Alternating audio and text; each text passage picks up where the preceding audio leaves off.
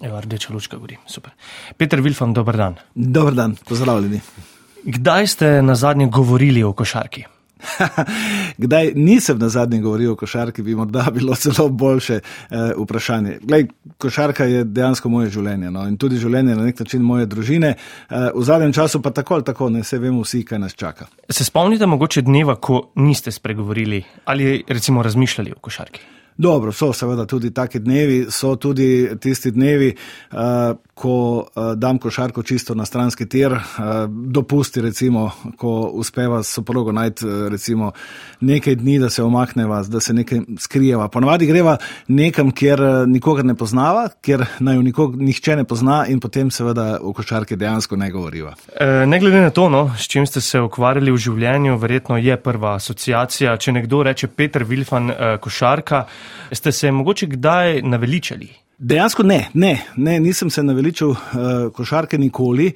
Morda sem se včasih naveličal kakšnih dogodkov, ki so povezani s košarko, ki niso direktno, seveda, sam šport košarka. Mar se kaj se seveda dogaja v športu, tudi v košarki, okoli uh, košarke. In so bile seveda situacije ali pa uh, dogodki, ki. ki si jih nisem pravzaprav želel, pa so se zgodili, ampak eh, ti ne morejo seveda prevagati nad vsem tistim lepim, kar je meni košarka dala v življenju in kar mi še vedno daje. Dejali ste, vemo, kaj nas čaka, smo v času svetovnega prvenstva v košarki, ki bo med drugim eh, potekal tudi na Filipinih, v Manili, tako kot leta 1978, ko ste bili pri 21 letih član slovite jugoslovanske reprezentance. Za vas mora biti ta dogodek predvsej, kako naj rečem, prustovski, neke Magdalenice spomino se verjetno bodo sproščale vse čas prvenstva. Ja, zdaj lahko rečem, da jaz že kar nekaj mesecev ne, razmišljam seveda, o tem svetovnem prvenstvu, razmišljam o tem zaključnem delu, ki bo v Manili, ne, te zadnje odločilne tekme od četrt finala naprej in seveda spomini neprestano dejansko prihajajo. Ne. E, jaz sem na nek način računal, da bi ta Manila, torej ta zaključek tega svetovnega prvenstva, bila lahko tudi nek zaključek mojega komentiranja košarke. E, jaz sem 2017, ko sem komentiral finale, ko smo postali evropski prvaki, rekel, če nikoli več ne komentiram, je v redu, sem zadovoljen, jaz sem tudi tudi tu na tem področju naredil tisto, kar sem želel. Ampak neka skrita želja je bila, da bi se to zgodilo v Manili. Ampak to se nažalost ne bo zgodilo. Te pravice prenosov in, in te zadeve, bolj ali manj, seveda to ljudje poznajo, vedo, uh, zakaj tu gre.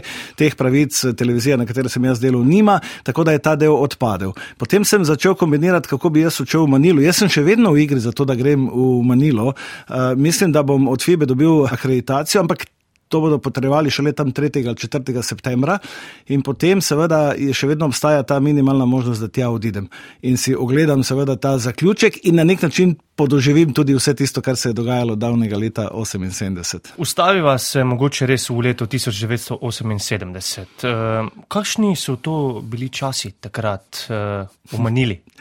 Va, to so bili čudoviti časi. Poglejte, uh, zdaj seveda zdajšnje generacije ne vedo, ne, kakšno košarko smo mi takrat igrali, kakšne pogoje smo imeli. Jaz moram povedati, da v tedajni Jugoslaviji smo v košarkarski reprezentanci imeli vrhunske pogoje. Mi smo imeli pogoje eh, vrhunske za trening, potovanja, bivanja, vse.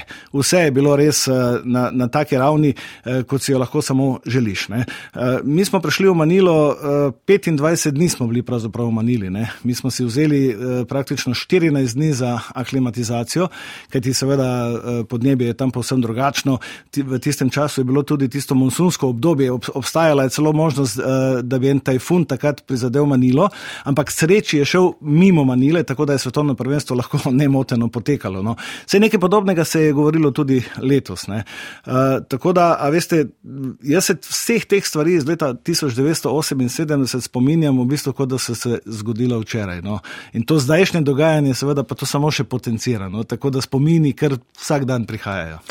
14 dni uh, aklimatizacije, kaj ste počeli? Uh, trenirali, igrali pripravljalne tekme, še mislim, da dve ali tri tekme smo odigrali in predvsem trenirali. Morate vedeti, da mi smo za svetovno prvenstvo se pripravljali štiri in pol mesece.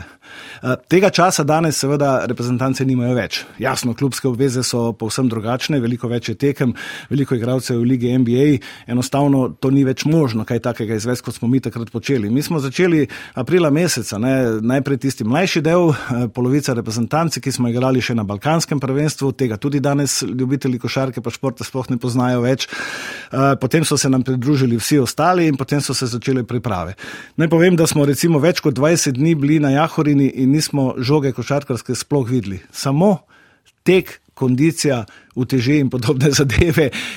To je bil čisto drugačen način priprav, kot eh, kar se dogaja danes. Vseeno me zanima, še vedno Manila. Kakšno je bilo mesto? Se mogoče spomnite hrane? Ha, mi, spomnim se, da smo bili v hotelu Filipin Plaza.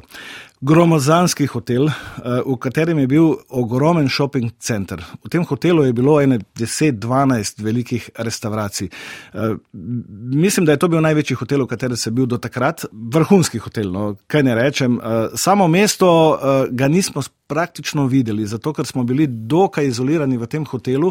Tudi za varnost je bilo na nek način zelo, zelo poskrbljeno. Spomnim se, da smo en dan, ko smo imeli čisto prost dan smo odšli v en velik shopping center, v, v center Manile, ob seveda spremstvu, varstvu in tako naprej. No, in takrat se je zgodilo nekaj, kar je bilo zelo zanimivo. Ne. Mi smo okrog 11. odšli iz hotela, ob 12. je začelo deževati, ampak to ni bil dež, to se je utrgalo, to je bilo ne mogoče meter narediti uh, izven tega shopping centra. In potem smo mi tam sedeli, nekaj časa hodili okoli, in pa sem jaz enega od teh naših spremljevalcev vprašal, ja, koliko časa bo pa to trajalo. Pa je rekel, ja, lahko uro, lahko nekaj ur, lahko nekaj dni. Ne, pa smo se mi gledali, kako bo to. In dejansko smo šele zvečer, eh, tam nekje okrog šestih, pol sedmih, eh, je to, ta dež ponehal, ta veter, to neurje, toliko, da smo mi lahko potem z avtomobili s taksi odšli nazaj v hotel. S kom ste bili takrat cimer? Moj cimer, stalni, praktično celo desetletje, je bil eh, Rašo Radovanovič. Center takratne jugoslovanske reprezentance, sicer košarkar Bosne, takrat, pozneje pa je igral tudi v različnih evropskih klubih. Jaz sem včasih rekel v šali, ne, da sem bil prvih deset let, namreč uh, mi dva uh, z mojo ženo sva se poročila leta 1978 pred svetovnim prvenstvom.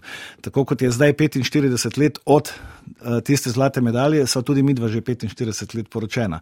Ampak v prvih uh, nekaj letih sem jaz bil več skupaj, se mi zdi, z Ardovanovičem kot pa svojo ženo, glede na to, kako so bile te priprave dolgotrajne. Kaj sta počela, kakšne vragolije? Kaj sva počela, ojoj, mi dva sva bila ena od tistih, ja, ko se je kaj takega zgodilo čudnega, uh, so najprej vsi pogledali proti nama dvema, ne, kaj se je dogajalo. Lejte, različne. Ne? Ko si tako dolgo skupaj, ko si ti mesece skupaj, seveda mora priti tudi do neke sprostitve. Ne? Tako da jaz sem vedno rekel, v tej reprezentanci jugoslovanski si vedno moral uh, gledati na vse strani, ne? še posebej si moral paziti na hrbe, da se tako izrazim, ker vedno te lahko nekaj čakalo. Ne? To je bil tudi eden od načinov, da smo mi to vse skupaj zdržali, da, da, smo, da ni prišlo do kakih konfliktov ali česa podobnega, nezadovoljstva, ker to je res dolgotrajno biti tako skupaj. Ne? Ampak to je tisto, o čemer jaz vedno govorim. Ne? Ti fanti, ta reprezentanca, ne? to so bili res vrhunski igravci, najboljši v tistem trenutku. Evropi in v svetu, so imeli vedno en sam cilj. Zmagati, biti najboljši, biti svetovni prvak, biti olimpijski prvak, biti evropski prvak, biti najboljši. In oni so bili pripravljeni za to narediti čisto vse.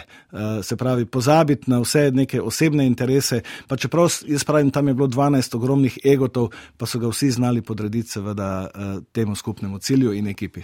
Pogodak Vilfana, prvi pogodak Vilfana ali v pravi čas. Vilfan. Sada!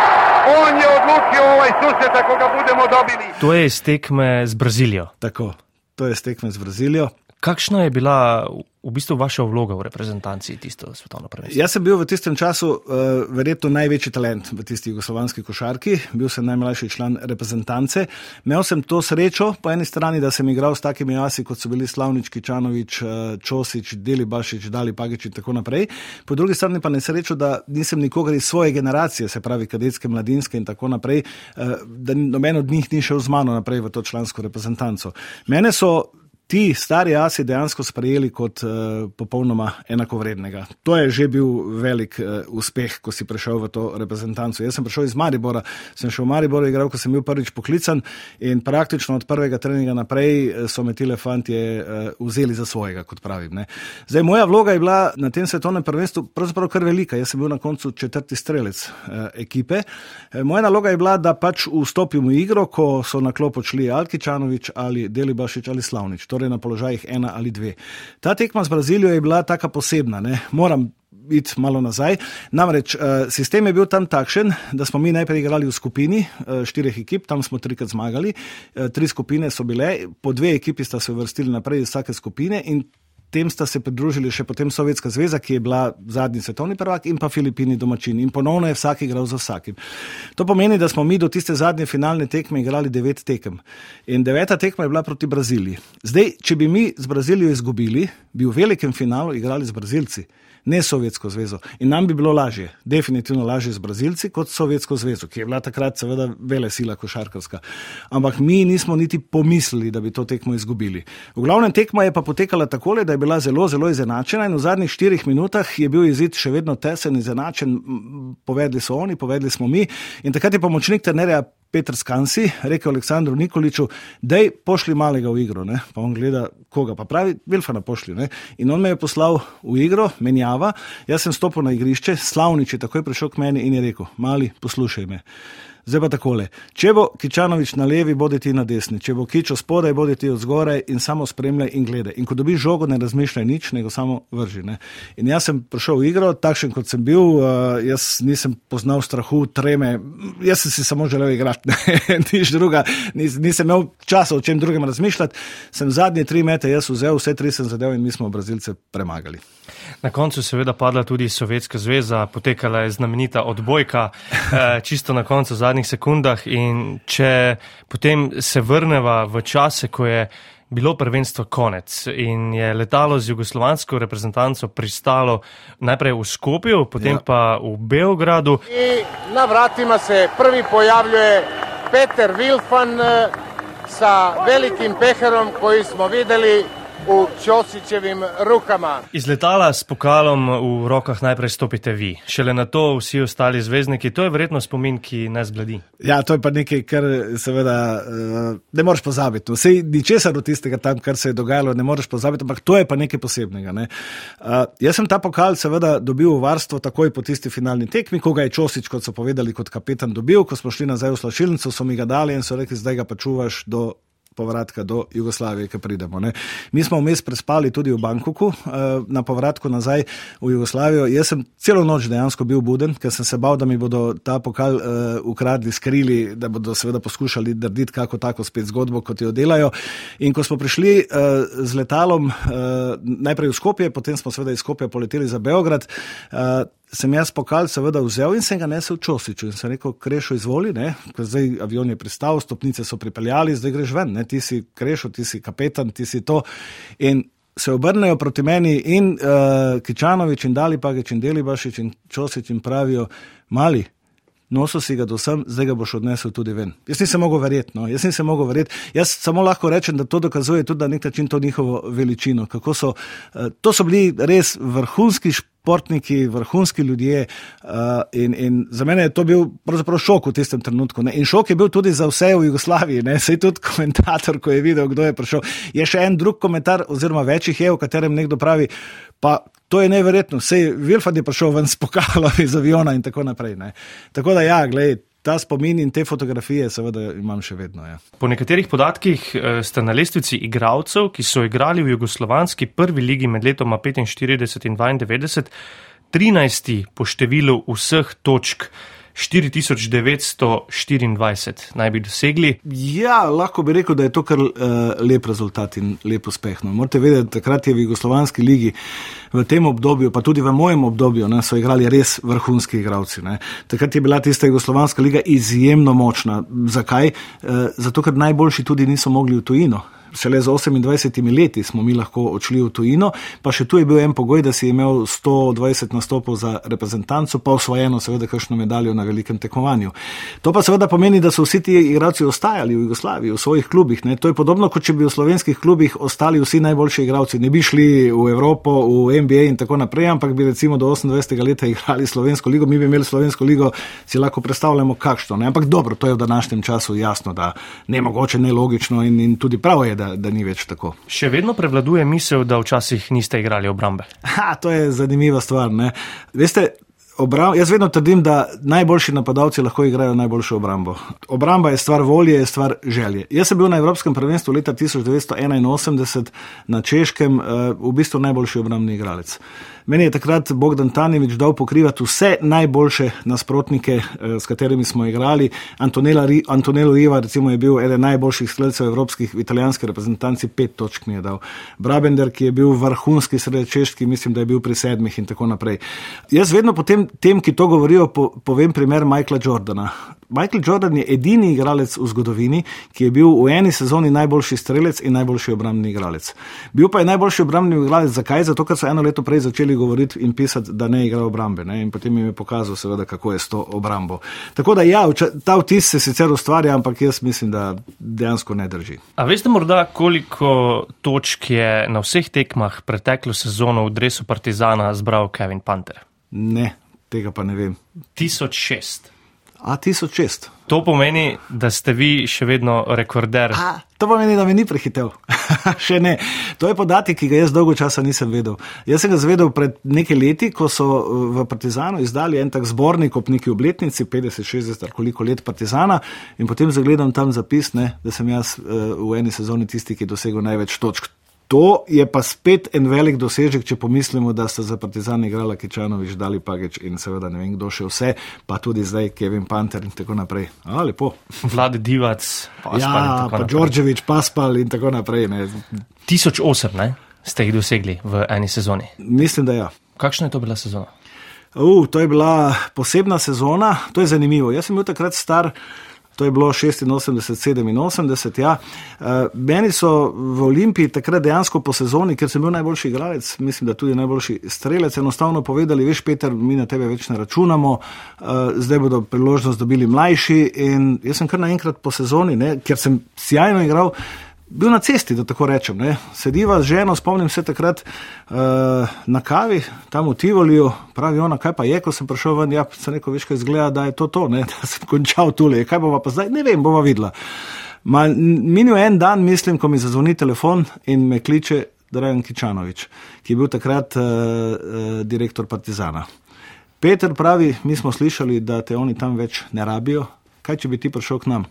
Sem rekel, daj mi pol ure. Sva šla že eno dnevno sobo, evo zdaj povem, sva nalila si dva viskija, sva spila. Nič nisem rekel, pa je žena rekla, kam gremo. sem rekel, v Beograd, je rekla, v redu. So me poklicali, v glavnem, uh, sem rekel, ja, pridem. Ja, kako misliš, se neko pridem, pošljite enega človeka, da podpišem tiste papire, ki jih moram. Ko bom pa prišel v Beograd, ko se bo začel priprave, tam nekje konca avgusta, septembra, se bomo pa vse detalje dogovorili. In res, naslednji dan je prišel en iz Beograda, jaz sem Bjanko papirje podpisal. Prišel potem eh, konca avgusta v Beograd in mi pravijo vsi ti iz Partizana, ne, ampak. Petr, ti si podpisal papirje, pa dejansko se nismo pogovorili, kaj boš ti za to dobil, pa to se neko, gledajte, jaz verjamem, Kičo, če si me ti poklical, da se bomo dogovorili in kar se bomo dogovorili, da boste besedo tudi držali. In tako je tudi bilo. In potem je sledila ena res uh, sjajna sezona. No. Evo, s tem dosežkom, ki smo ga prej omenila, nekaj malega nam je manjkalo, da bi lahko se seveda do konca borili z takratno Cibono, ker je igral Dražen Petrovič in res so imeli eno sjajno ekipo, takrat Cibona.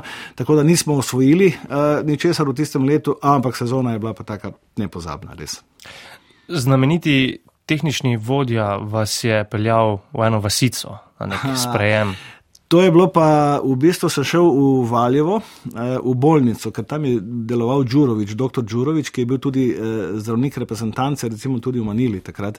In šel sem pa na injekcije, zato ker sem imel eno tako dokaj ne poškodbo, prepon in to. In jaz sem dejansko uh, želel igrati do konca sezone in sem bil pripravljen iti tja, sprejeti tudi te injekcije, zato da bom lahko zaključil sezono.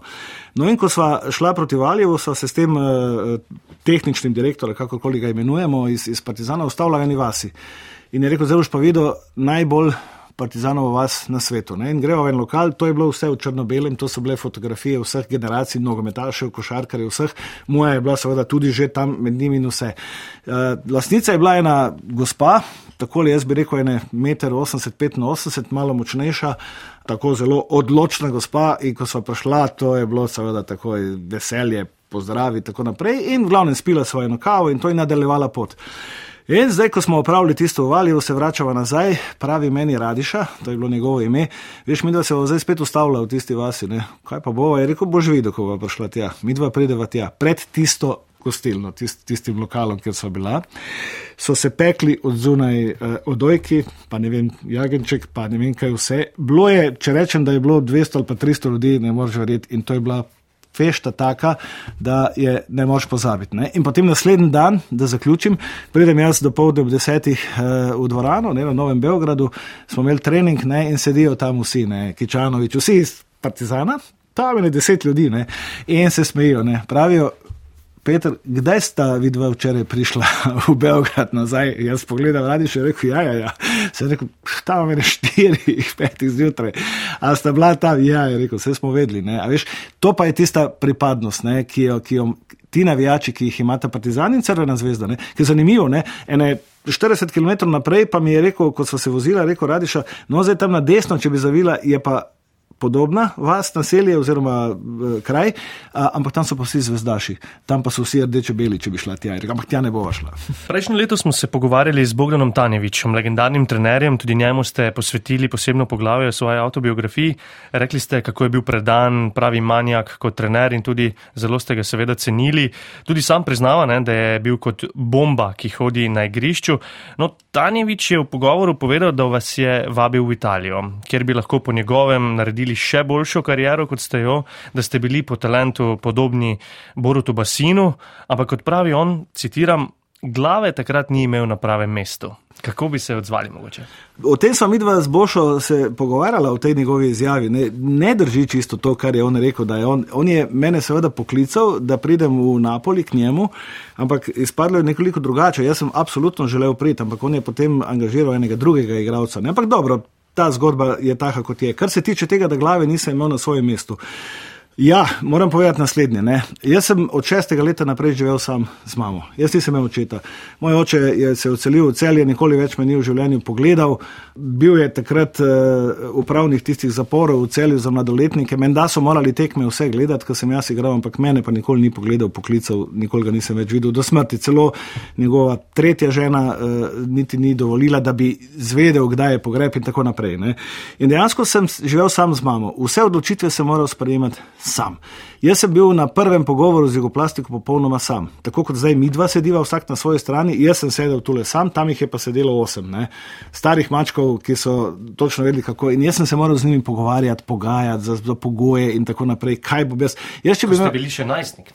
Praktično najstnik, seveda, ja, 18 let star. Ne? In jaz, če bi imel takrat menedžerja, če bi imel ljudi, ki bi stali za mano, tako kot je to danes. Danes imajo uh, otroci, igravci, imajo starše, imajo menedžerje, imajo psihologe, imajo ne vem kaj. Jaz sem pač uh, moral vsako odločitev sprejemati sam in dejstvo je, ja, da bi, če bi seveda uh, se zdaj vrnil nazaj, ne bi veliko spremenil. Definitivno, še enkrat povem, ampak nekatere odločitve bi zagotovo bile drugačne. Bi šli verjetno v tujino? Ma, jaz bi šel vsekakor v tujino. Sej, to sploh ni vprašanje. Uh, ta zgodba za Tanjeviče ne bom jaz zdaj pogreval. Ma, čisto obratno bi vam lahko povedal, kako je bilo, ampak mi dva sta ostala vedno prijatelja in bova vedno. Uh, kar se tiče tujine, čakati se mora 28 let. Ko sem zaključil tisto tekmo v Partizanu, ne, uh, sem se poškodoval, sem šel na operacijo prepone, sem imel ponudbo. Uh, v bistvu je bilo tako, da po tistih 28 letu se je vedno nekaj takega zgodilo, da nisem šel. Uh, realno in iskreno uh, v tistem času tudi denar, razen seveda v nekaj klubih v Evropi, ni bil tako velik kot danes. Ne. Te zgodbe niso niti približno bile takšne, ne. te številke pa tudi ne, ne. In jaz sem tudi v Jugoslaviji takrat zelo solidno zaslužil in tako da sem, eh, potem ko sem pa tehtal pri 30-31 letu te ponudbe, sem ugotovil, da je nesmiselno, da grem ven, če pa lahko praktično za skoraj da pod enakimi pogoji ostanem tudi v, v Jugoslaviji. Tudi naslednjo temo morava vsaj malo kontekstualizirati, čeprav ste jo povedali že neštetokrat, mogoče pa jo nekateri poslušalci še niso slišali. Zato ste se tudi nekako spovedali in skesali ter priznali v knjigi, bili ste črni Peter. Na igrišču ste galamili, se pritoževali, o vas se je širil stereotip in enkrat ste tudi sodniku pokazali rit. Vse je črni Peter, kako ne rečem, kaj je umiril ali še vedno kakšen del njega, ki tiči. Torej, moram reči takole. Ne? V zadnjih letih, eh, celo moja žena, ne, ki je z mano vseh 45 let, ne, lahko si predstavljate, da je ni bilo lahko vse ta leta. Ker vse, kar se je meni dogajalo, kar se je z mano dogajalo, kar se je dogajalo okoli mene, se je dogajalo tudi njej. In da so bila seveda vsem vedno uh, skupaj. Celo ona mi je rekla pred enimi petimi, šestimi, pa morda celo desetimi leti, ti si se pa malo umiril, ne? ti si malo postaješ drugačen. Se rekel, ne drugačen, ampak dejansko malo bolj umirjen. Ne? Ampak tisti vražiček, veste, še vedno nekje od zadaj živi, ne? tako da vsake toliko časa ga še malo spustim z verige. Kako ste se pravzaprav znebili stereotipa o tem ekscentriku, neprilagojencu, egoistu, konfliktnežu, vilfanu, ki dela vse zase, ni za ja, uh, kolektiv? To je trajalo kar nekaj let po koncu karijere. Morala se je končati moja karijera ko sem končal kariero uh, in ljudje so me morali pač spoznati. Ne. Jaz sem bil vedno človek, ki je šel med ljudi, jaz se nikoli nisem skrival. Ne. Jaz po vsaki tekmi smo zgubili, zmagali, sem bil najboljši, jaz sem pa bil slab. Jaz sem šel ven med navijače, ki so čakali. Če so me hvalili, so me hvalili, včasih so me nosili na rokah, včasih so me pa tudi po domače povedali na kurli, ker sem si to zaslužil, ampak jaz sem bil z njimi tam in po petih minutah so me spet imeli radi, zato ker so ugotovili. No. In podobno je bilo potem po koncu karijere. Ne. Jaz sem veliko med ljudmi, uh, moram povedati takole. Ne. Jaz sem bil en človek, ena oseba na igrišču, nekaj povsem drugega zunaj igrišča. Vsi tisti, ki so me spoznali, tudi med kariero, ne, so bili ponavadi presenečeni ne, in šokirani na nek način. Pa čakaj, se ti sploh nisi tak, kot uh, se kažeš tam na igrišču. Jaz vedno pravim, zdaj, ko lahko analiziram, ko sem starejši, ko gledam stvari za nazaj, ne, da je to posledica tudi tega, da sem se, sem se celo življenje moral boriti. Jaz sem se celo, mi dva z mojo mamo sva bila sama, ko sem jaz pri šestih letih, jaz sem bil, uh, videla sva bila lačna veliko krat. Ona je iz uh, tovarne, vem, TT, Mariborska tekstilna tovarna, ker je delala, tisto toplo malico prinašala v tistih posodah, ki so se takrat nosile domov, da sem jaz seveda jedel doma in tako naprej. In to ni, ni bilo nekaj mesecev, to je kar nekaj uh, časa trajalo. Jaz sem se moral v šoli, jaz sem se moral vse posod izboriti. Ne. Jaz sem vedno bil nekje občutek, imel, da sem zapostavljen. Uh, smo imeli športni dan, Maribor, pohor je tam pred nami, ne, smo šli na pohore, oni so vsi smučali, se sankali, jaz sem pa v enih takih tankih čevljih tam na snegu stal pa jih zraven gledal, ker nisem imel, nisem imel sank, nisem imel smuč, nisem imel uh, ničesar. In nekako imam občutek, da mi je to ostalo v glavi, tudi potem, ko se mi dejansko krivice niso več vse take dogajale in potem. Šport je pa seveda eh, tak, da v tebi seveda zbudi vsa tista čustva, pozitivna, negativna, stresno je. In potem se mi zdi, da je to bil tudi razlog, da sem včasih reagiral na igrišču, tako kot sem. Ker izven igrišča takih reakcij pri meni skoraj da ni bilo. Če ostaneva čisto malo še na igrišču, kako mogoče vidite to danes, to pritoževanje, ukvarjanje s sodniki?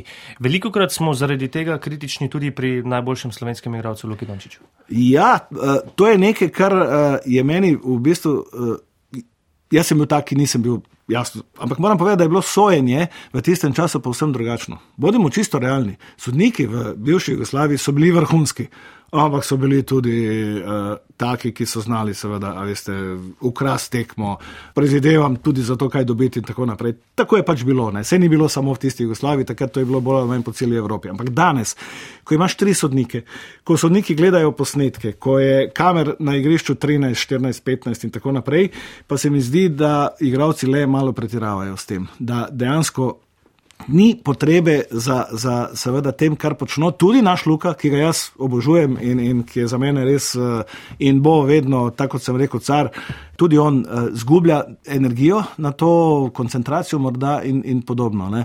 Ker to sojenje, kakršno koli že je, tudi če je kdaj napaka in to se mi pa zdi, da takega, kot smo ga pa mi doživeli, jaz ne vem, kaj bi oni počeli v tistem času, ne? vse bi se jim verjetno zmešalo. Vaš poletni tabor je letos praznoval 30 let. Eh, zasledil sem podatek, da ga je vseh teh letih obiskalo okoli 8000 otrok, med njimi nekateri slovenski najboljši košarkari, tudi Luka Dončić. Pred 30 leti ste v določeni meri orali ledino, zdaj ste eden izmed mnogih košarkarskih taborov, tudi Goran Dragič, recimo, ima svojega, pa košarkarska zveza in tako naprej. Zakaj je vaš poseben oziroma zakaj mu uspeva? Če delaš nekaj 30 let in to obstaja in, in, in deluje, potem zagotovo je to neka kvalitetna zadeva. Tisto, kar je najbolj pomembno, ne, v teh 30 letih, samo dva sva, ki sva zraven vseh 30 let, to sem jaz in pa moj glavni trener in vodja košarkarske šole Aleš Fabijan.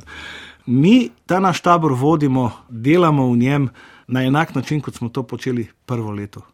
Srce, z dušo, z entuzijazmom, z energijo, z voljo, željo. Mi vsi, ki tam delamo, to počnemo z užitkom, mi uživamo v tem. To seveda otroci tudi občutijo, to otroci vidijo. Jaz mislim, da nihče ne more na podoben način voditi noben tabor, tako kot ga mi vodimo. Ne. Recimo eh, pri nas, seveda, trenerji ki imajo tri obveznosti na igrišču, dopoldansko, popoldansko in večerno, eh, po treningu ne odidejo počivati. Ne, oni gremo z nami skupaj, vsi gremo na plažo in vsi pridemo z plaže nazaj in enako popovdne in enako seveda vse čas. 24 ur smo mi dejansko, razen tisti čas, ko otroci spijo. Ne. Vse, kar uh, mi želimo od njih, naredimo tudi sami ta tabor, uh, kaj ne rečem, ne, to je kot moj otrok, no, to, je kot, to je moje življenjsko delo na nek način. Ne. Jaz uh, to, kar počnem v tem taboru, dejansko lahko enačim za svojo uh, košarkarsko kariero. To je nekaj, kar sem si jaz skozi želel, nekaj, kar uh, bi uspelo takrat seveda ustanoviti in začeti delati. Uh, in mi smo lani oziroma letos seveda vse skupaj nadgradili za to sjajno obnovo teh uh, zonanih košarkarskih igrišč. Mi imamo zdaj na voljo plato s 1300 kvadratov, s tremi košarkarskimi igrišči, s posebno eno maso, kakršne ni mi v Sloveniji, ki je mehka, občutek imaš, da si na, na, na mehki podlagi. Imamo ene čudovite ameriške konstrukcije za koše, take prav za, za tabore, novo razsvetljavo, ograjo. Imamo telovadnico dvorano na voljo, celo šolo, vse. In eh, dejansko letos, recimo, smo imeli štiri zmene popolnoma zasedene do, do zadnjega mesta. Ne. In jaz tako le v šali pravim, ne, eh, čez 20 let, eh, če ne bom mogel hoditi, bom pa tam na vozičku od zgoraj je ravnina, se vozi, pa kontrolira vse skupaj, kako deluje. Uh, Luka Dončić je v Evropi usvojil vse, kar se usvojiti da. Uh, pokoril si je Euroligo in špansko prvenstvo, tudi Evropsko prvenstvo z reprezentanco, potem je pa tukaj Liga NBA. Od novinca leta do rednega udeleženca tekme vseh zvest ni bilo dolgo. Zagotovo lahko rečemo, da je med najboljšimi na svetu. Vse se je zgodilo pravzaprav zelo hitro, ampak zanima me, kako vi gledate na to, smo tukaj v Sloveniji sploh ponotranili ta njegov uspeh? Jaz mislim, da ja. Jaz mislim, da v veliki meri ja.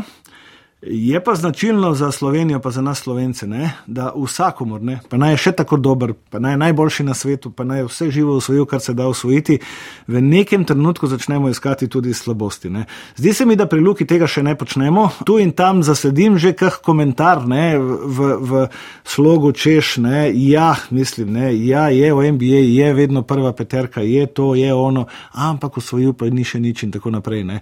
Ampak to je nekaj takega, kar je po svoje normalno. Jaz uh, Luko vidim kot uh, nekoga, ki je dosegel nekaj, kar nišče ni pred njim. Mi imamo fenomenalne športnike v Sloveniji, imamo olimpijske prvake, prvakinje, svetovne, evropske in tako naprej, ampak nihče. Nihče od njih se ne more dejansko v tem trenutku primerjati z Luko Dončičem. Ne govorim zdaj o medaljah ne, na svetovnih olimpijskih igrah, ampak govorim o njegovem vplivu. Njegovem vplivu ne samo na košarko, ampak na šport v celoti, da ne govorim o tem, kaj on pomeni v nekem promocijskem pogledu za, za to našo Slovenijo. Ne. Vse pogledamo samo Japonsko. Ne. E, zakaj so Japonci izbrali Slovenijo e, v svoji skupini? Zaradi Luke Dončiča. Ne. Zdaj sem bral in videl, ne, kaj se tam dogaja na Okinavi. Ne cel otok je čakal Luko Dončiča, podobno bo, ko se bodo preselili v drugo skupino in podobno bo v Manili, ne? ker jaz pač moram verjeti in verjamem, da bodo igrali tudi v Manili v zaključku. Luka, veličina Luke je pa tudi v tem, da se on dejansko zaenkrat še ni prav nič spremenil. On je še vedno tisti fant uh, iz, iz košarkarskega igrišča, tisti fant, ki bi jutri mirno, če bi mu rekel, verjetno šel na eno asfaltno igrišče metati na koš, še vedno je pripravljen se vsakim pogovoriti, za vsakega vzeti čas, vzeti čas uh, biti prijazen, uh, vse to, kar se okoli njega dogaja, zdržati in zato ga jaz še toliko bolj cenim. Kako pa mogoče gledate? Njegovo igro, ker nekako meji med tem, da je seveda košarkarski genij, izjemna sposobnost košarkarskega razmišljanja, ampak po drugi strani pa na nek način je lahko tudi nočna mora kakšnega trenerja, ker naredi tudi kakšno neumnost. Kdaj? Ja, ampak se to je ravno uh, veličina ne, teh vrhunskih zvezdnikov. Luka je drugačen, Luka je drugačen tip, on nikoli ne bo Michael Jordan. Luka tudi nikoli ne bo mogel doseči vsega tistega, kar je dosegel Michael Jordan. Tu moramo biti realni. Ne. Ampak, če pa pogledamo ne, neko prepoznavnost, pa ta marketinški del, ne, njegovo zanimivost, ne, marketinško, uh, ona se počasi približuje uh, nekemu Michaelu Jordanu. Ne. Košarka, ki se zdaj igra v Ligi NBA, je pisana na kožo Luki. To je košarka, kjer obramba ni v spredju, igrišča v NBA so širša, daljša, večje prostora. Pravila so taka, da luko pod košem centri ne morejo čakati, zato ima luka eh, v fibini košarki kdaj pa kdaj tudi kakšno težavo več, ne? ker v fibini košarki eh, ponavadi ti visoki igravci ostanejo pod košem, čakajo, luka preigra svojega igralca, preigra še tistega, ki pomaga, ampak potem naleti še na tretjega ali pa četrtega. Ne? Eh, tako da ta košarka v NBA je dejansko njemu pisana na kožo. Zdaj, Luka, seveda, pet let je igranja v NBA za njim, eh, zdaj bo Luka, jaz verjamem, tudi sam začel razmišljati o tem, zdaj moram pa tudi nekaj usvojiti. A bo to za Dallasom ali pa bo Luka morda čez kako leto zahteval tudi menjavo, to bomo pa videli. Ne. Če v Dallasu ni, ne bodo uspeli ali pa niso uspeli že leto sestaviti ekipe, ki bo konkurenčna tudi za naslov, potem verjamem, da se lahko zgodi, da bo pač Luka razmišljal morda tudi o spremembi. Po igralski karieri vas je zaneslo komentiranje košarkarskih tekem. Če so moji podatki pravilni, je vaš samostojni komentatorski debi bilo finale Evropskega pokala, v katerem je igrala in na koncu zmagala smelt Olimpija. 9, 8, 7, 6, 5, 4, 3, 2, 1 sekunda in v tem trenutku konec srečanja v Lozani. Smelt Olimpija je zmagovalec Evropskega pokala sezone 1993-94. Bravo, Smelt Olimpija, bravo! Naslednje leto bo 30 let od tega finala. Če vas vprašam klišejsko, kakšni so občutki, ko to poslušate za nazaj? Najprej moram povedati, da jaz nikoli nisem tega prenosa poslušal. Ja, verjeli ali ne, jaz v vseh teh letih, odkar komentiram, nisem niti enega svojega prenosa poslušal, ker bi bil za vsakim nezadovoljen. Meni se je vedno, jaz enkrat sem poskušal, pred mnogimi leti, in se mi je zdelo toliko stvari, ki bi jih lahko bolje naredil, da potem več ne poslušam. Uh, tule, recimo, ne, ta je zelo podoben temu, kar se je dogajalo 2017. Uh, to je bil moj prvi samostojni prenos, res je. Jaz sem do takrat uh, bil sokomentator Mihi Žibratu.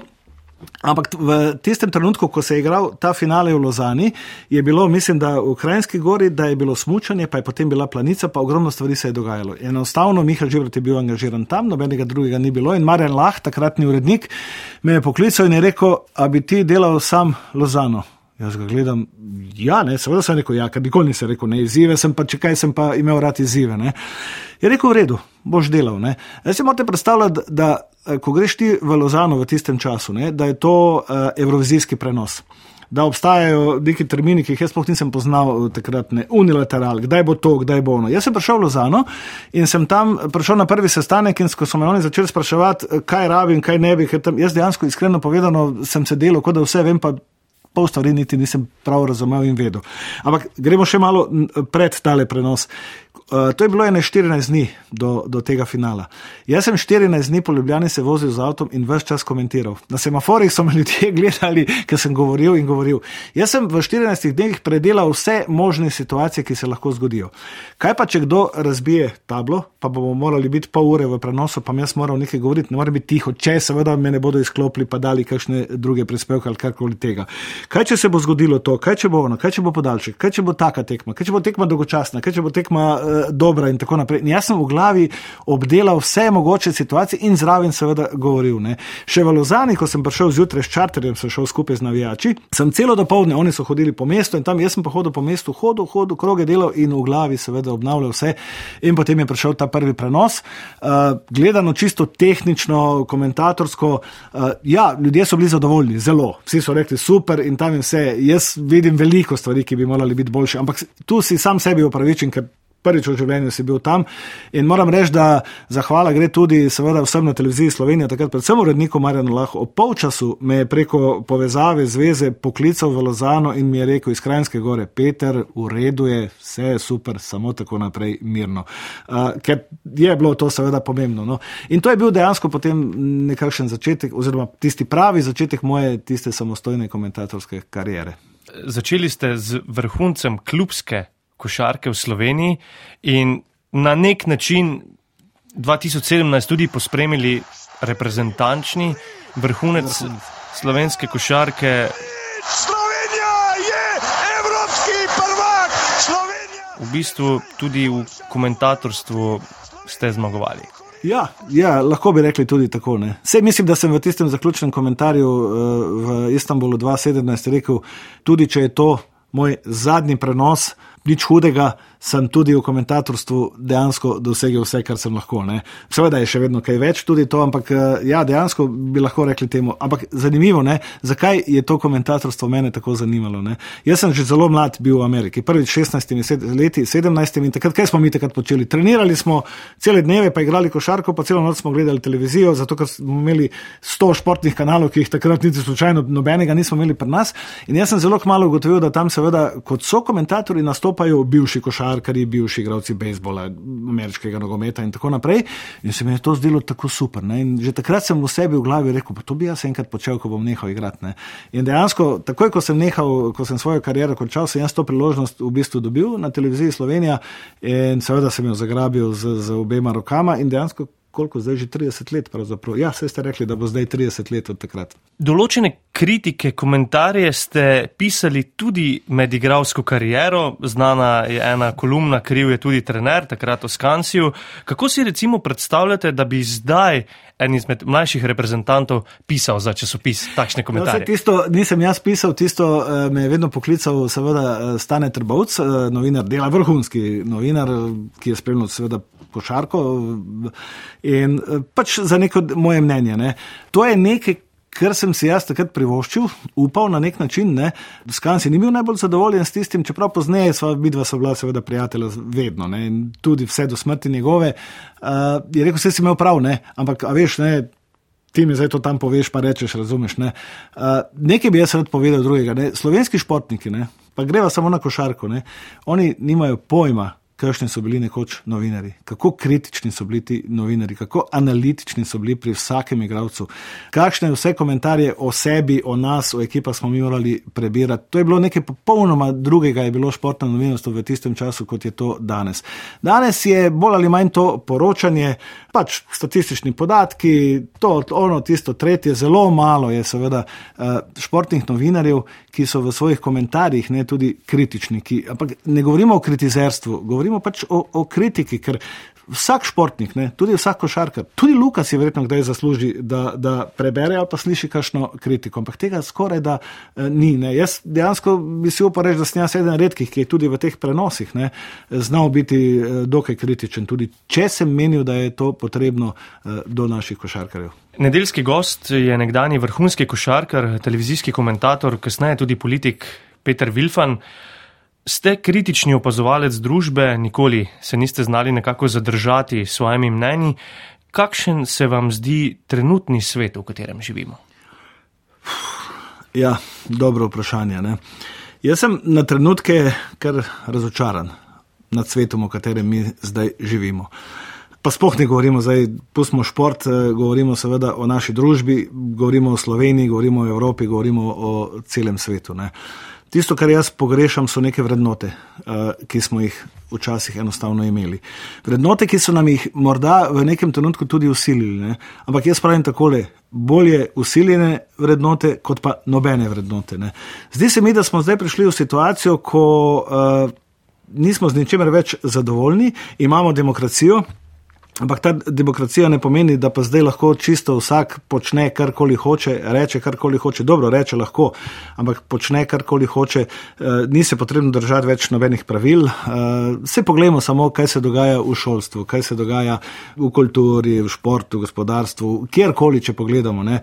Tako da eh, mislim, da smo prišli do nekega trenutka, ko bi morali vsi skupaj zelo, zelo premisliti, kako naprej, ker drugače bo to vse skupaj šlo v eno anarhijo in en kaos. In jaz si dejansko ne želim zadnja leta ali pa še naslednjih toliko let preživeti v nekem okolju, ne, ker me bo pravzaprav na nek način strah, ne, kaj bo jutri, kaj šele, kaj bo pojutrišnjem. Pa vas je strah? Ne, ni me strah, ni me strah, ampak razmišljam pa o tem. Me pa morda malo postane strah, ko začnem razmišljati o, o svojih čeri pa zetu, pa še bolj, ko začnem razmišljati o svojih vnukih. Ne? Kaj pravzaprav njih čaka, kakšno življenje jih čaka? Ne? A je to eno življenje, ki bo tako enosmerno, ne? Eh, kjer ne bo življenje brez ideje, brez same inicijative, ali bo to samo ena borba za golo preživetje, ali pa bodo oni tudi v življenju eh, lahko in znali uživati, tako kot smo mi uživali. Mi smo uživali v življenju. Pa sej ni problem, sej jaz, ko sem bil otrok, nisem imel praktično nič Ampak jaz nič slabega ne bom rekel v svojem otroštvu. Jaz sem čudovite stvari doživljal, tudi v osnovni šoli, ko sva sama z mamo živela, pa nisva imela denarja, pa nisem imel copat takih, pa čevljev takih, pa obleke take, pa ne vem kaj, pa nisem smučal in to. Ampak so se mi dogajale kljub temu čudovite stvari, ker so okoli mene bili ljudje, ne, ljudje taki, kot morajo biti. Ne. Danes pa se mi zdi, da smo vsi uh, uh, gledamo neke svoje egoistične, uh, individualne interese. Tudi se mi zdi, da sama družina zgublja na pomenu. No mi, pri meni in eh, pri moji ženi, zeto, hčeri tam, mi seveda silno, silno skrbimo za to našo družino, držimo skupaj eh, in seveda za vse ostale, ki so, ki so še člani te naše družine, ker se nam zdi to pomembno. Ne. Mislim, da je to neka osnova, iz katere smo potem lahko, če smo mi dobri, če se mi počutimo dobro, če smo mi tolerantni drug do drugega, bomo znali biti seveda tudi do koga drugega. V nekem intervjuju za dnevnik ste dejali, Nekateri problemi, ki so se ti še pred kratkim zdeli ogromni, se ti ne zdijo več tako hudi, ampak so povsem banalni v primerjavi z bojem za zdravje. Ugotoviš, da si moraš vsako sekundo temeljito izkoristiti, vse je minljivo, danes si, jutri te ni, zato uživajmo, dokler lahko.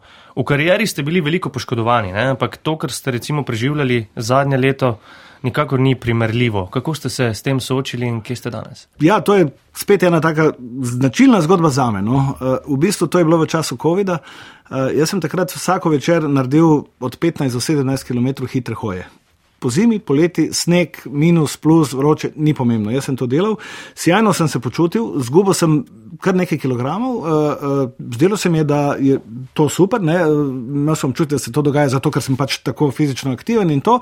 Ampak v enem trenutku sem imel nekaj težav z ledvicami, nekaj me je zabolelo in tako naprej in pravi žena, dej pa da je vse kri, ne, da pogledaš. In jaz sem šel in sem dal kri, in po tistem se je vse skupaj začelo. Ne. Praktično v nekaj dnevih sem bil na, na, uh, kliničnem centru, ne, so ugotovili, da, da kri je bila katastrofa, potem so ugotovili, da gre seveda za, vzeli so mi kostni mozek, punktirali vse tisto tam, da gre seveda za leukemijo, da gre pa za eno vrsto leukemije.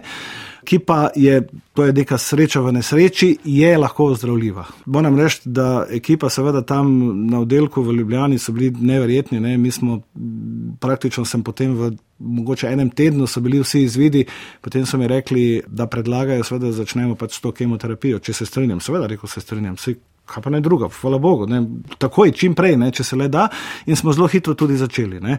Zdravnica mi je takrat rekla, da bom po eni tretji terapiji moral najverjetneje v bolnico, ker bo imunski sistem seveda popustil. To popušča posledice, ne, izčrpa organizem in tako naprej.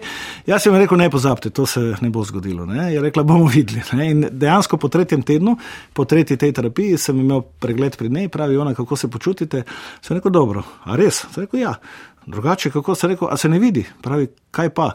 Jaz sem pred tole terapijo shujšal skoraj 11 kg. Ne? Zdaj si predstavljamo, nikoli nisem bil ravno debel, zdaj vzamemo meni, zdaj v tem trenutku 11 kg, pa si lahko predstavljate, ne, kako sem zgledal. Se rekel, uh, ampak jaz sem dobil 3,5 kg. Pravi, kako? A vi jeste? Se rekel, ja. Kaj imate apetit? Se rekel, včasih ga imam, včasih ga nimam, jem pa več čas. Ne? In dejansko, jaz, ko sem zvedel diagnozo, sem vedel, s čim se borim.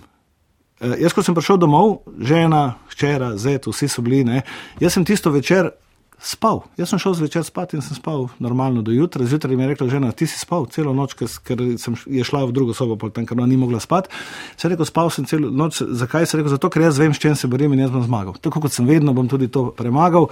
In dejansko moram povedati, da jaz, ko sem prihajal na te terapije, to je tako imenovana dnevna bolnica, ko sem prišel noter, se mi zdi, da je včasih kot da je malo zasijalo sonce, vsi so bili malo boljše volje, ker jaz nikoli nisem prišel tja ves potrt, slave volje. Ne, jaz sem prišel noter polne energije, tudi če se nisem počutil ravno najbolje, tega nisem pokazal.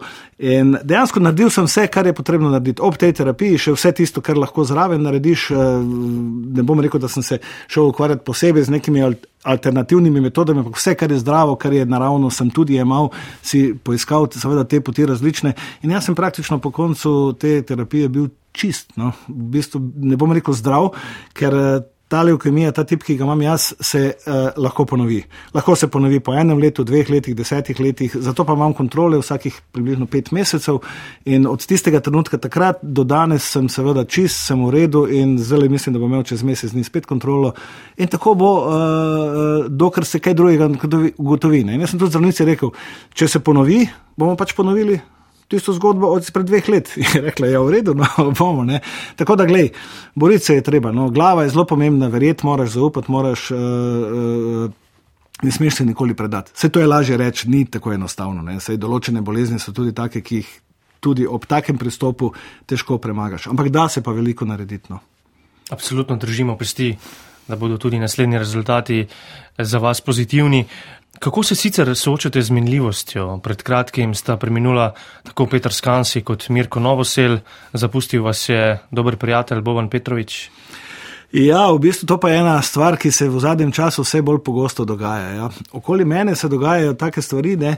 Eh, ljudje, s katerimi sem v preteklosti uh, delal, igral, so bili moji trenerji. Tudi moja poročna priča, Darko Pehlič je že pred šestimi leti umrl, jaz sem bil njegova, on moja, potem Boban Petrovič, moj prijatelj v Južni Afriki, uh, bil pa je umrl tam je imel sicer prometno nesrečo, zaradi posledic katere je, je umrl, odhajajo seveda ljudje okoli nas. Ko prideš v neka leta, se to začne eh, dogajati. Ne.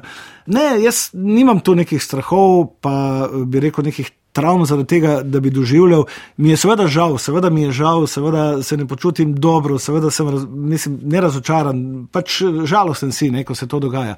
Ampak to je del življenja, to je nekaj, kar moraš sprejeti. Uh, jaz pa pri sebi še vedno vidim ogromno časa, ki ga bom še preživel. Jaz, jaz imam še vedno v glavi ogromno idej, še ogromno stvari, ki jih mislim narediti, ki jih moram narediti, za katere moram skrbeti. Eh, na koncu koncev, evo, lahko povem, ne, mi imamo v naši družini čisto posebno situacijo v naši družini. Ne.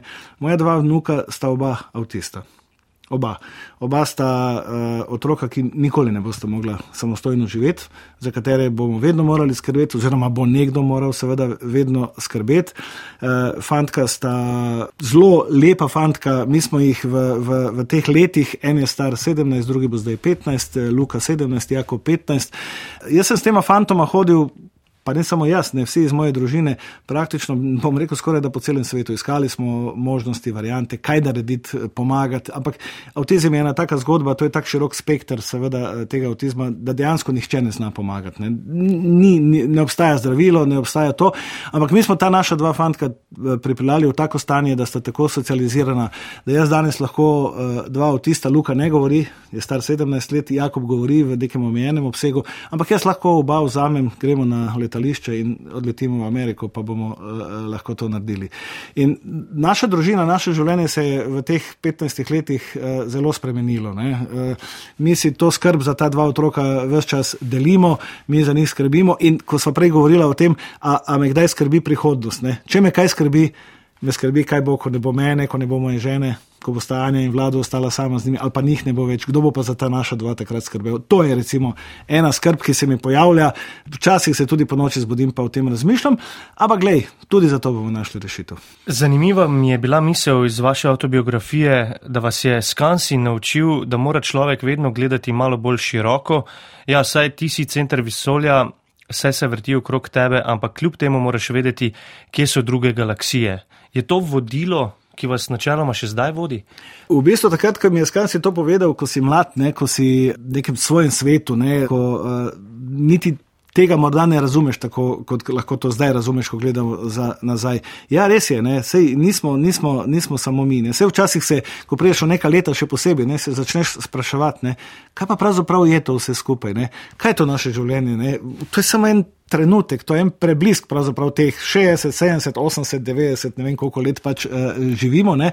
In včasih se uh, začneš spraševati ali začneš dojemati, da enostavno vse ne moramo mi biti uh, center vsega tega, center vesolja, da verjetno je še kaj drugega. Ampak spet bom rekel takole, ne? po drugi strani moraš biti pa realen.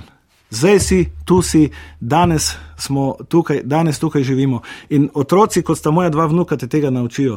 Ker uh, pri njih dveh, pri avtistih, pa pri podobnih otrocih uh, s težavami, je pomemben samo danes. A sta ona danes zadovoljna, a sta nasmejana, a sta srečna. Jutr bomo reševali, seveda, ko bo prišel jutrišnji dan. Še imate kje velikega žutka, plišastega košarkarja z velikanskimi vrki e, iz jugoplastike? To mi je pa tako silno žal. Dvakrat ali trikrat sva se že naselila v tem času. Ta žutko je vedno imel posebno mesto in verjeli ali ne, ne najdem ga. Ne vem, kje, v kateri zgodbi, v kateri selitvi se je pravzaprav ta žutko izgubil. Ta žutko je ena velika figura, številko deset, ki jo je meni Rato Tvrdič predal, ko sem prišel leta 77 v Split in bil je do takrat samo eden, tisti, ki so ga vedno na igrišču eh, postavili pred vsako tekmo. Jaz sem bil tisti, ki je drugega, Jugoplastika, kombinat Jugoplastika, to je bila velika firma v tisti nekdani eh, državi, so še enega izdelali za mene. In še dan danes ne morem ugotoviti, kje sem ga izgubil, kje sem ga pustil. Kdaj ste bili na zadnje na ribolovu? Uh, na ribolovu sem bil na zadnje, zdaj bo pa že približno 15 let. To je povezano tudi z eh, nekoliko z mojima vnukoma spoznanjem, do katerega smo prišli, ko je Luka bil star eno leto, leto pa pol, ko se je, kot sem povedal, naše življenje bistveno spremenilo, ko, ko, nekatere, ko sem tudi jaz nekatere svoje prioritete, pa nekatere stvari, ki sem jih počel, dal na stran in smo se pač posvetili nekim drugim stvarem, prav tako uh, lepim, dobrim, uh, s katerimi sem tudi zadovoljen, ampak res, res, je pa zanimivo, moja hčerka zdaj lovi. Anja, ko gre v Belo krajino, ki mi hodimo, seveda, veliko v Belo krajino, že 45 let, moj tast je od tam bil, ni ga več med živimi, ampak tašča, ki pa bo zdaj 92, pa še vedno živi tam v hiši in to sama. Ne. Čeprav imamo nekoga, ki malo skrbi za njo, ampak ona živi tam in Anja, ko gre dol, ona gre na kolpo in lovi. In, in to je neverjetno, ne. ker ona, ko je bila majhna, ko je bila od nekega tretjega, četrtega leta naprej, je bila z mano vedno na teh ribolovih. Ne. In vedno je nekaj ušpičila, mimo grede, dvakrat mi je približno 3 ali 4 metrov, ker ni hotela, seveda, vedno je hotela vse videti, mi je dvakrat padla v kolpo. Ne? Tako da sem vrgel palco, skočil, rekel, jo potegnil ven, jo šel gor v hišo preoblecel, prišel nazaj, čez eno uro je bila spet v kolpi. Ne? Samo jaz se je nadelo, jaz pa tudi sem skočil v naslednjem trenutku. Ob nedeljah so bile včasih tekme, kaj se ob nedeljah pri Petru Vilfanu doma dogaja zdaj? ob nedeljah imam enega ali pa drugega Nuka, Jakoba ali pa Lukca. Ponavadi smo, uh, sploh v tem poletnem času, če je pa, pa jesen, pa pomlad, smo v Beli krajini. Uh, z Jakobom smo bila zdaj, recimo zadnji dve nedeli, devet dni smo bila dol v Beli krajini na kolpi, seveda kopala, plavala. Drugače pa uh, z Jakobom veliko hodiva po tekmah. Jakob obožuje košarko. On košarke ne more igrati, ker tega sistema treninga tekme ne bo ujel, ampak obožuje pa košarko. Žogo ima vedno v rokah, mi dva hodiva v soboto, pa nedeljo, sva recimo uh, na dveh do treh tekmah in to hodiva v Novo mesto, Šentjur, Šenčur, Laško, Celje, Koper, kjerkoli se igra tekma, tam se mi dva pojaviva. In eh, ko se je to začelo pred nekaj leti, sem jaz vedno šel, kjerkoli sem bil na blagajno, da kupim karte, so mi vedno rekli, ja pa ne, ne, sem rekel, ne, ne, ni problem. Ne. In kaj se je zgodilo? Od večino teh klubov sem potem dobil kar letne karte, so mi domov poslali in zdaj, ko prideva z Jakobom, naj vse posod poznajo, o, izvolite, prideva in tako naprej. Tako da sobote pa nedelje so pri nas eh, rezervirane za, za ukvarjanje z vnukoma. Peter Vilfan, želim vam in seveda tudi vaši družini vse dobro in hvala, ker ste bili nedeljski gost na Valu 202. Hvala za povabilo in eh, kaj da rečem, res je bil prijeten pogovor. Poslušali ste nedeljskega gosta Petra Vilfana. V studiu 12 Radia Slovenija ga je posnel tonski mojster Vladimir Jovanovič. S Petrom Vilfanom sem se pogovarjal Gašper Andrinek. Podcast poiščite v vseh aplikacijah za podkaste, kjer se lahko na naročite in ga ocenite. Tako bo Petra Vilfana lahko slišalo še več ljudi. Iščite pod nedeljski gost. Mimo grede, med nedeljskimi gosti je tudi večkrat omenjeni Bogdan Tanjevič. Vedno in povsod. Podcasti Vala 202.